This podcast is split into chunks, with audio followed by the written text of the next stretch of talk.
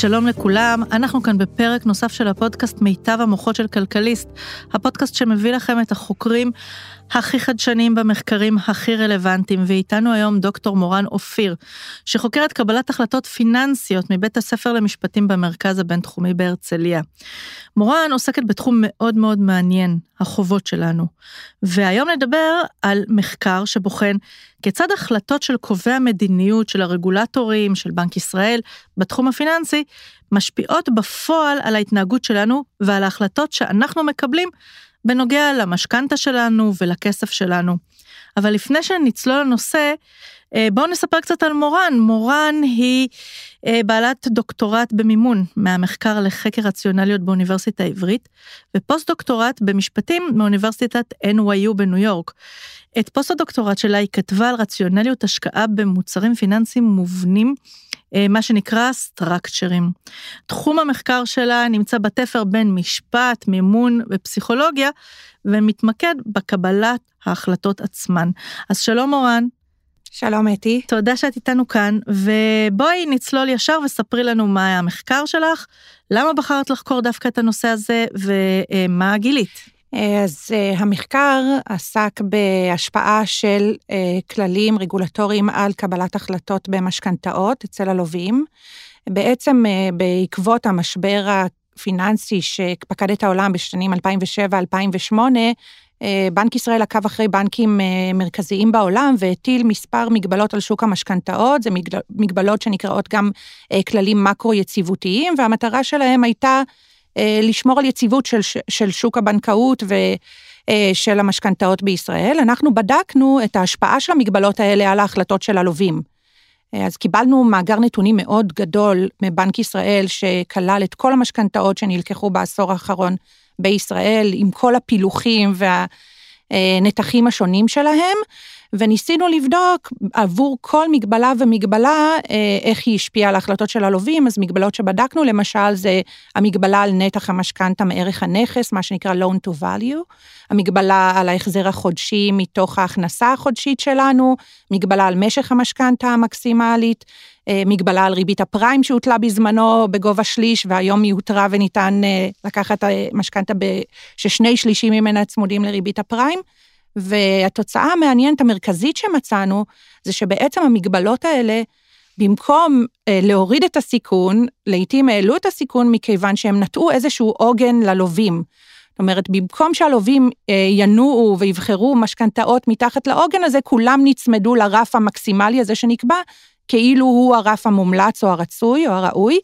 אה, והדוגמה הכי בולטת הייתה הגבלת משך המשכנתאות. בעצם, לפני uh, קצת פחות מעשור הגבילו את המשכנתאות ל-30 שנה, מה שלא היה קיים קודם, זאת אומרת, קודם לא הייתה מגבלה, ומה שראינו זה שהגבלת משך המשכנתאות ל-30 שנה העלתה את משך המשכנתאות הממוצע, בעצם כולם נצמדו ל-25 עד 30 שנה, כשקודם לקחו משכנתאות הרבה יותר קצרות, של 15 או 20, ובמקום להוריד את המשך הממוצע של המשכנתאות, בעצם בנק ישראל גרם לעלייה שלהם, ורואים את זה מאוד מאוד יפה בנתונים, זאת אומרת, זו ממש קפיצה חדה שקורית מיד אחרי הטלת המגבלת מקסימום הזאת.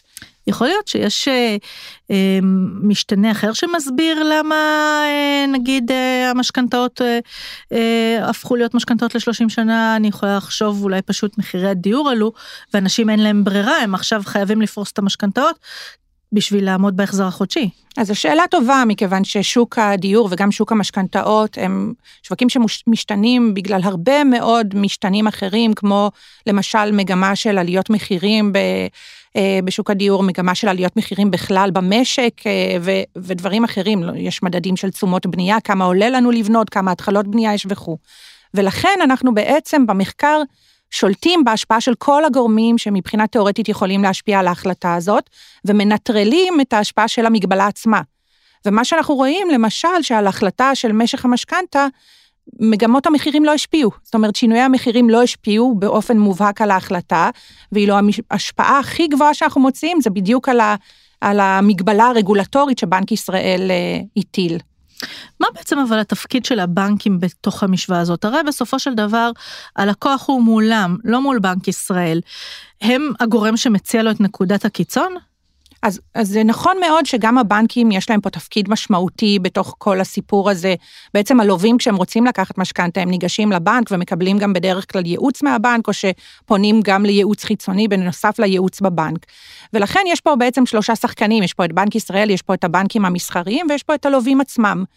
אז מה שברור, ואנחנו רואים את זה בצורה מאוד יפה גם עכשיו למשל, כשמגבלת הפריים הותרה וניתן לקחת עד שני שלישים במשכנתה בריבית פריים, שהדברים האלה מאוד מאוד מתוקשרים מבנק ישראל ישירות, דרך אגב, ללווים, ישירות לקהל הלקוחות הפוטנציאלי, וכולנו שומעים את זה מסביב, ומגיעים לבנקים, ומבקשים, עוד מעט יהיה אפשר גם למחזר את, הריב, את המשכנתאות בצורה הזאת, אז מגיעים לבנקים ומבקשים אה, למחזר לשני שלישים פריים.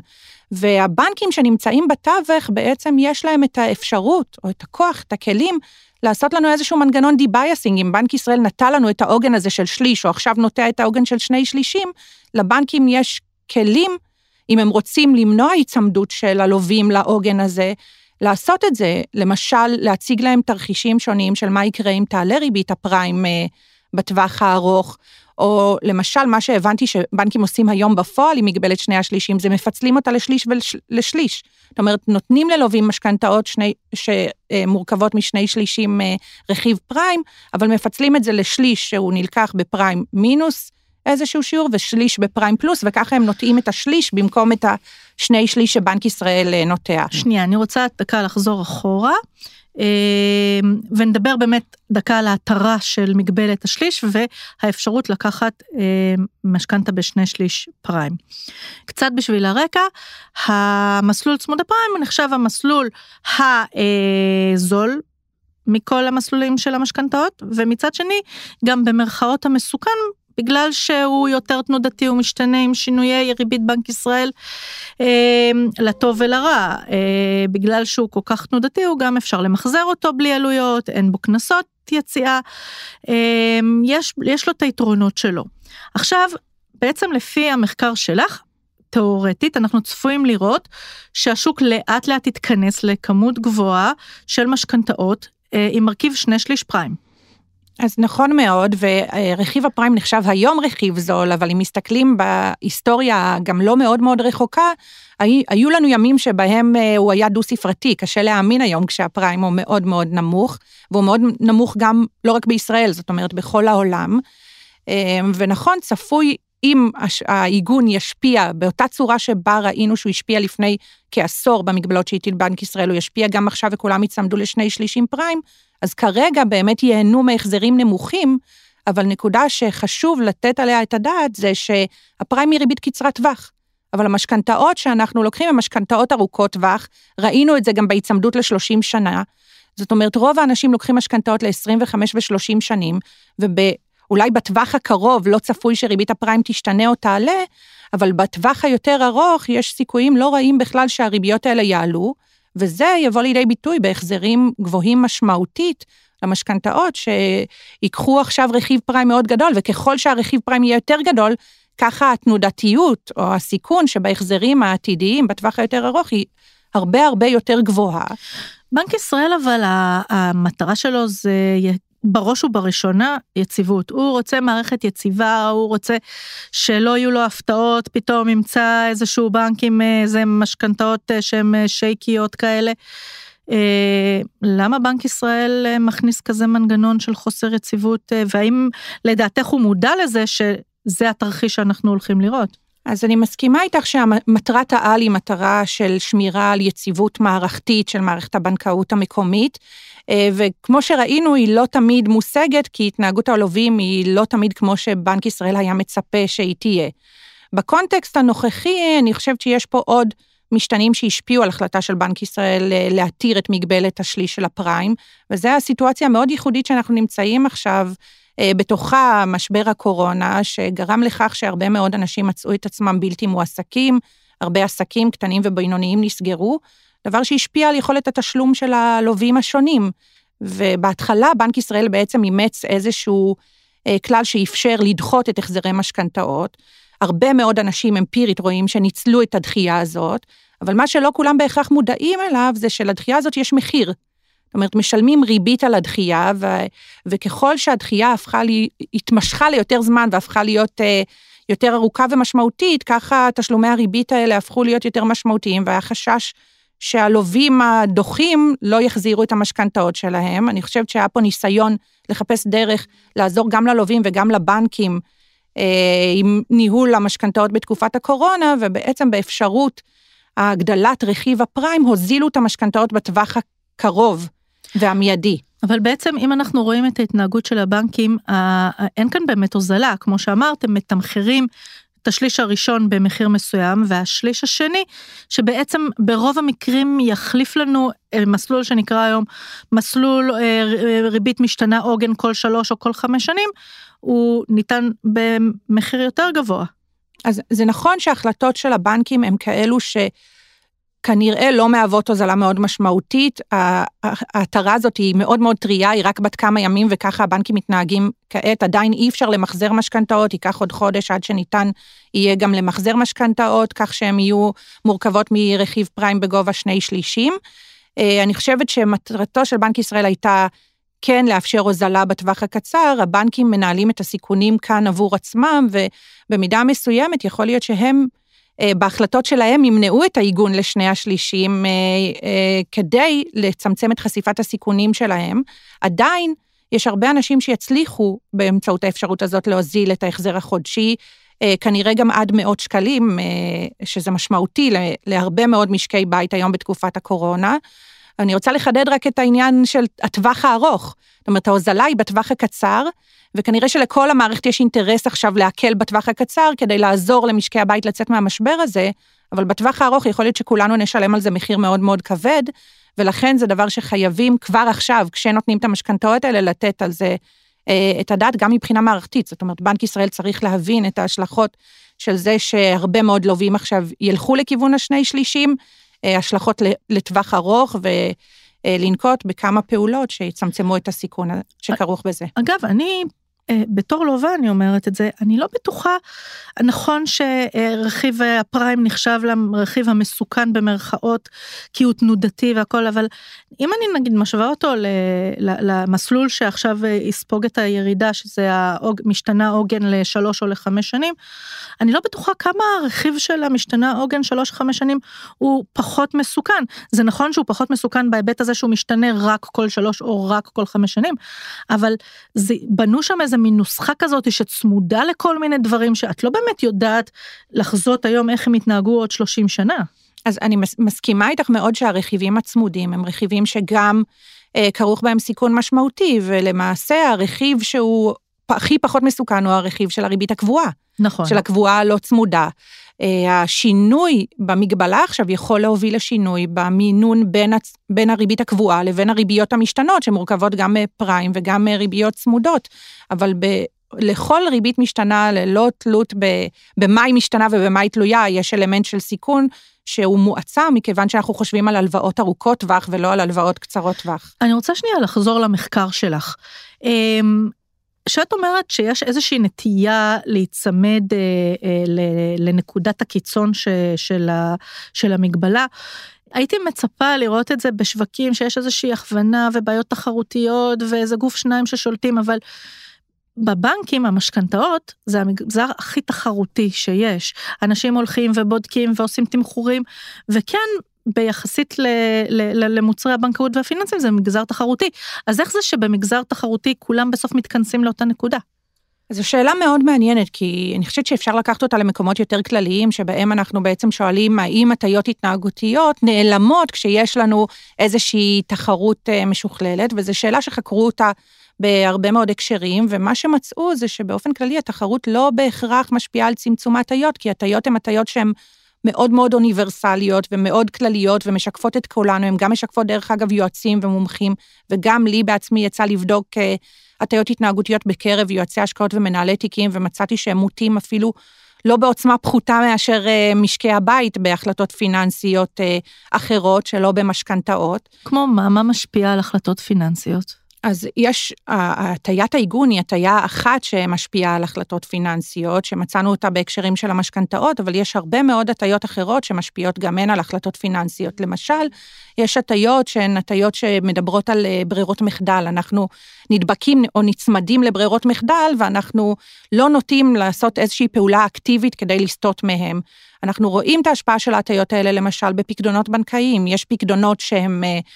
כל פעם מחדשים את עצמם בלי הוראה מפורשת, לעומת זאת יש פקדונות שחוזרים כל פעם לעובר ושב, ואנחנו צריכים לתת איזושהי הוראה מפורשת כדי להפקיד אותם שוב פעם אה, בחשבון פיקדון, ומה שרואים זה שבממוצע פקדונות שמתחדשים אוטומטית מושקעים הרבה יותר זמן אה, אה, בפיקדון עצמו, זאת אומרת, אנחנו, הכסף חוזר לבנק ואנחנו לא נוקטים באיזושהי הוראה אקטיבית כדי אה, להפקיד אותו שוב פעם, ואפשר לחשוב על סט מאוד רחב של הטיות התנהגותיות שנמצא שמשפיע בהרבה מאוד הקשרים, גם בשוק ההון, גם בהחלטות פרטיות, אה, ואנחנו לא רואים אותו מצטמצם אה, בסביבה תחרותית. יש חריג אחד שנמצא במחקר שכן מצטמצם בסביבה תחרותית, וזאת הטיה שנקראת אפקט הבעלות או אפקט הזכאות. המשמעות של ההטיה הזאת היא שאנחנו מעריכים ביתר את משהו שלנו. זאת אומרת, מרגע שמשהו שייך לנו, אנחנו חושבים שהערך שלו גבוה יותר מהערך שהיינו חושבים אם הוא לא היה שייך לנו, וזו הטיה שמצאו אצל סוחרים.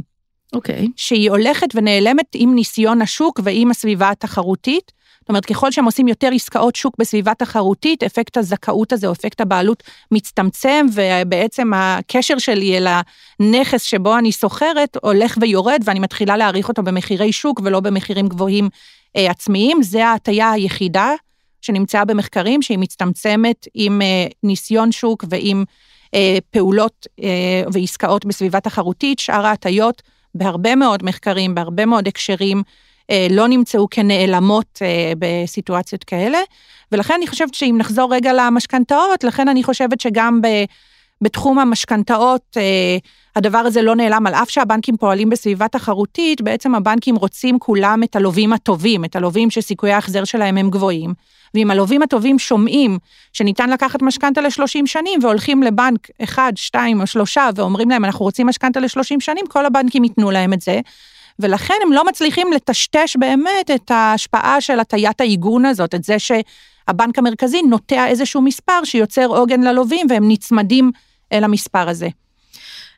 אני רוצה לחזור לבאמת ההבחנה של אה, הריביות בשליש פריים ושני שליש פריים. אמרת שטקטיקה אחת יכולה להיות, אם אני מבקשת משכנתה בשני שליש פריים, לתת לי מחיר אחד על כל השני שליש. למשל, פריים פלוס חצי אחוז. אבל מצד שני אמרת שמה שאת רואה אה, שמתפתח, זה אם לווה מבקש שני שליש פריים, הוא מקבל את השליש הראשון במחיר המקורי שהיה, למשל פריים מינוס חצי, ואת השליש השני אה, במחיר אחר, למשל פריים פלוס אחד. למה זה נעשה? מה בעצם ההבדל בין מצב כזה למצב כזה? אז אני רוצה רגע לחזור לשורשים של הטיית העיגון. בעצם הטיית העיגון היא הטיה שמופיעה כאשר נוטעים בנו איזשהו ערך מספרי, ומה שמפתיע זה שאפשר גם לנטוע בנו ערך מספרי שהוא לא קשור בכלל להחלטה, ובהרבה מאוד מחקרים מצאו שזה משפיע. לדוגמה, המחקרים המסורתיים שמצאו את השפעת הטיית העיגון, אה, ביקשו בהם מאנשים לסובב גלגל מזל, ואחרי שהם קיבלו מספר בגלגל המזל, שאלו אותם כמה מדינות אפריקאיות חברות באו"ם, ומצאו שאנשים נצמדים בדיוק למספר שהם קיבלו בגלגל המזל, למרות שהוא לא רלוונטי בכלל לשאלה, ובצורה מאוד דומה בדקו בקרב שופטים נתנו להם מקרה והתבקשו לגזור את דינו של הנאשם. לפני גזר הדין הטילו להם קוביות, וראו ששופטים נצמדו למספר, נתנו שנות מאסר במספר מאוד מאוד דומה למספר שהקוביות אה, הראו. ולכן אפשר לראות שגם כשהמספר הזה הוא מספר שהוא לא קשור בכלל, אנשים נצמדים אליו.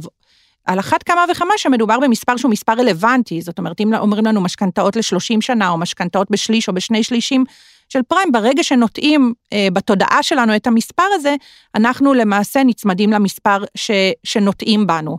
אז כשבנק ישראל אומר, אה, היום מותר לכם לקחת עד שני שלישים ב, ב, בריבית הפריים, המספר שניטע בנו הוא שני שלישים, אבל אם אני הולכת היום לבנק, והבנק לא רוצה דרך אגב שאני אקח שני שלישים בריבית הפריים, מכיוון שזה מעלה את הסיכון אה, של הבנק עצמו לטווח ארוך, אז הבנק במקום זה אומר, אני לא אתן לך שני שלישים בפריים, אני אתן לך שליש בפריים מינוס ושליש בפריים פלוס.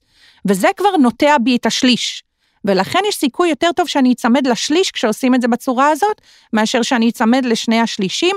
הרעיון הוא שזה איזשהו מנגנון שהוא פועל על מערכות חשיבה שלנו שהן מערכות יותר אינטואיטיביות, יותר מהירות, יותר uh, מגיעות מהבטן, פחות רציונליות, פחות לוגיות, אנחנו פחות מתעכבים לחשוב על הדברים, ולכן ברגע ששתלו לנו את המספר הזה, סביר להניח שנקבל החלטה שהיא סמוכה למספר שניתה, שהיא קרובה לאותו המספר, ולכן הבנקים בעצם משנים את כללי המשחק מבחינת העוגן, סליחה, שניתה.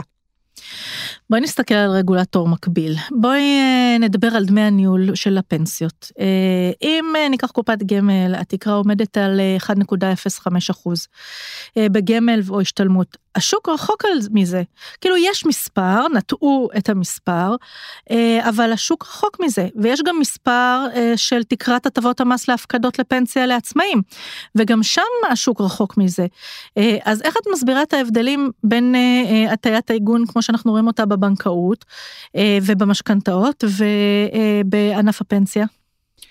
אז זה נכון שיש הרבה מאוד מספרים שהרגולטור נוטע בנו בהרבה מאוד הקשרים, ושלא תמיד אנחנו רואים אה, היצמדות למספרים האלה, אבל אני חושבת שיש סיבות טובות למה אנחנו לא רואים אה, היצמדות למספרים, ואפשר לדבר על סיבות שונות לשתי הדוגמאות שהבאת.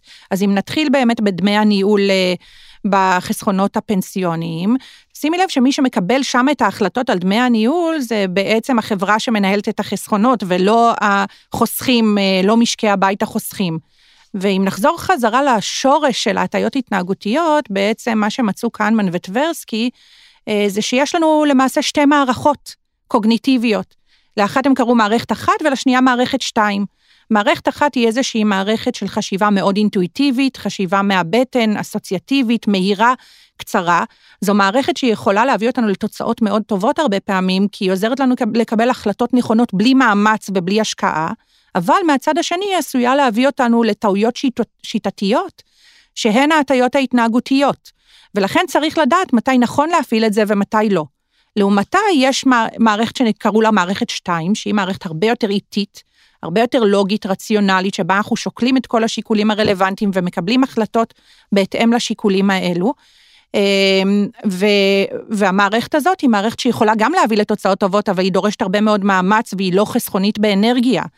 בהקשר של החסכונות הפנסיוניים, מי שמקבל את ההחלטה הם בעצם המוסדות שעושים תהליך ארוך של חשיבה ושל שקילה של האלטרנטיבות כשהם בוחרים את דמי הניהול, ואנחנו יודעים דרך אגב שדמי הניהול הם רכיב מאוד חשוב בהחלטה של, של החוסכים.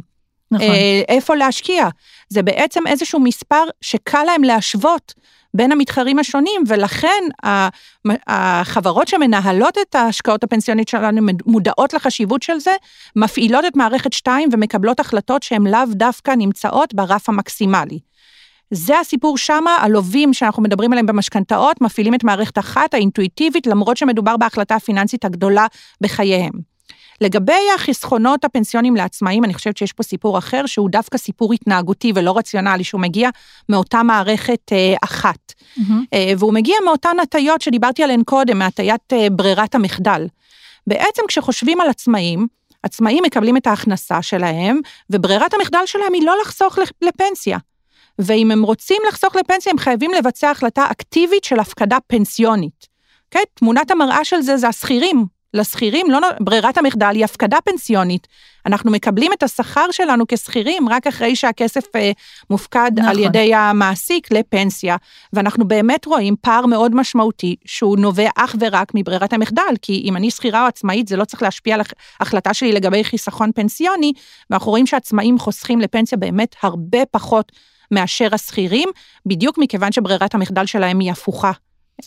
יש אה, עוד מקומות שראית אה, בהם נקודה שסימן הרגולטור והיא הופכת למעשה לנקודה שהשוק מתכנס סביבה? אז אה, יש מחקר נוסף ש, שערכתי לאחרונה, וגם בו מצאתי השפעה של עיגון, והמחקר הזה דווקא בדק את בתי המשפט, החלטות שהתקבלו בבתי משפט.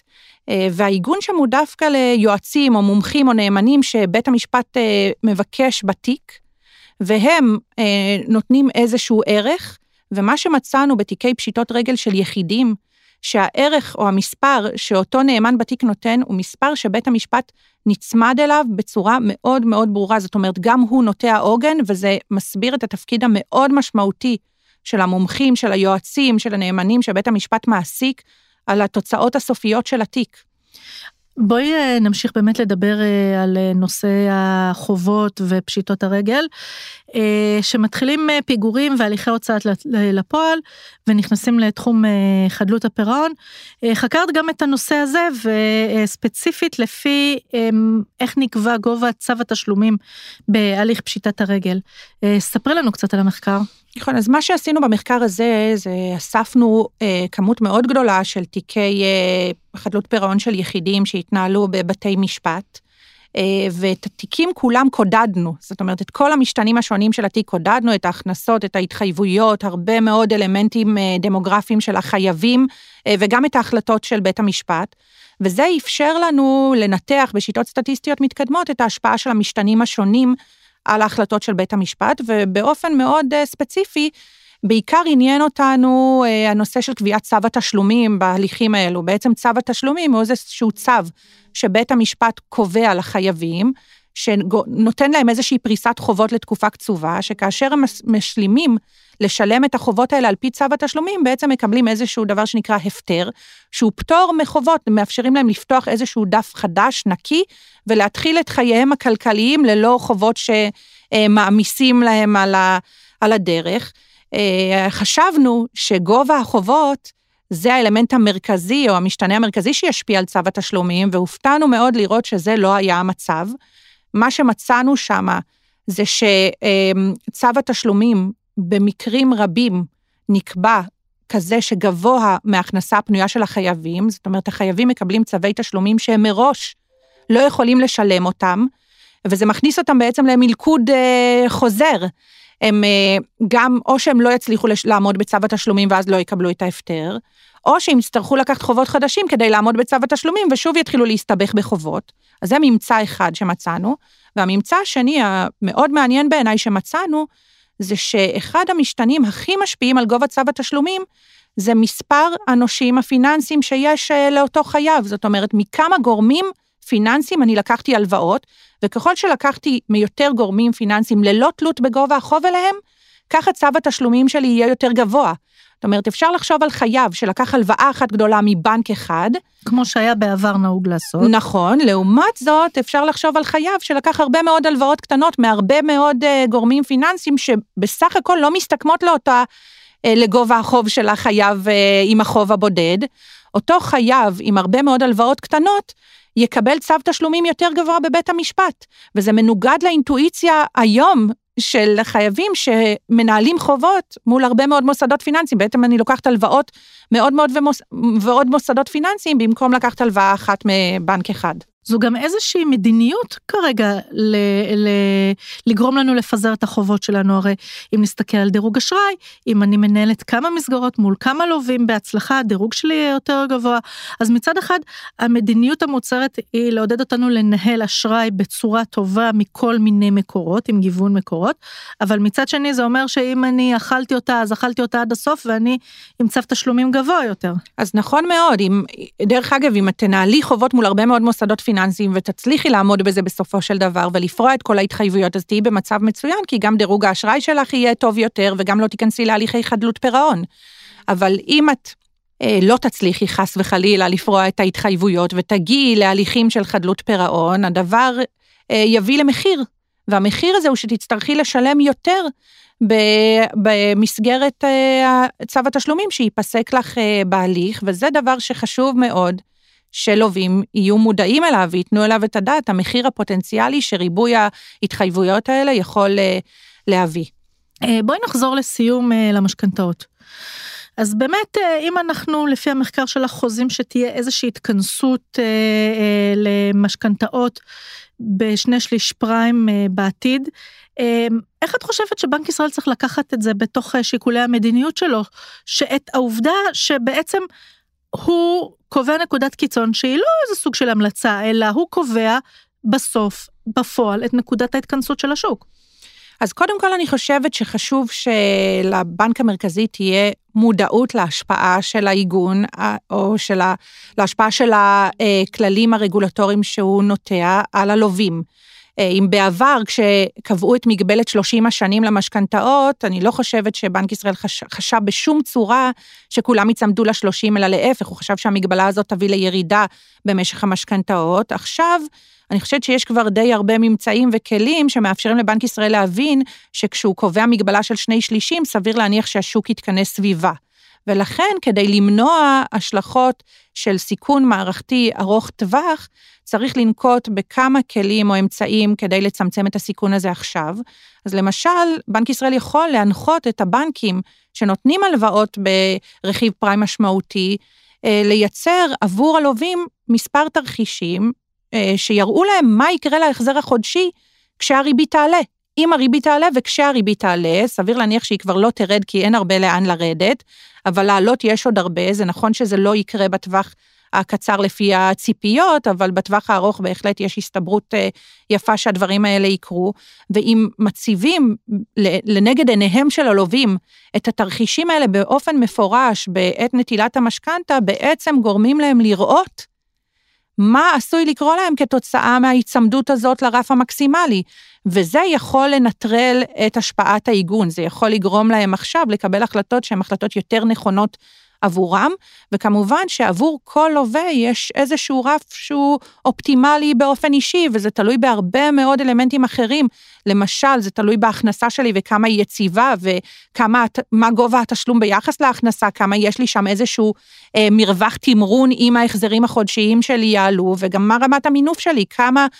אה, הלוואה לקחתי ביחס לערך הנכס שקניתי ולכמה שנים לקחתי את המשכנתה. אז כשמסתכלים על התמונה הכללית הזאת, אפשר בעצם להציע לכל לווה ולווה איזושהי פרופורציה מתאימה או נכונה עבורו או עבורה, אה, לקחת את ה... אה, לרכיב הפריים במשכנתה. ואני חושבת שזה דבר שחשוב לעשות כבר עכשיו. זאת אומרת, כבר ברגעים האלה שבהם אנשים מקבלים החלטות ולווים ומגיעים לבנקים ומבקשים אה, לקחת משכנתאות ששני שלישים מהם צמודים אה, לרכיב הפריים. דוקטור מורן אופיר, המון המון תודה, זה היה מאוד מעניין ומרחיב דעת. אה, אז תודה שהיית איתנו. תודה רבה לך, אתי. ותודה רבה לסוף הסאונד, ותודה רבה לעורך שלנו רועי ברגמן. אנחנו מקווים שנהנתם, ושיהיה לכולכם המשך יום נעים.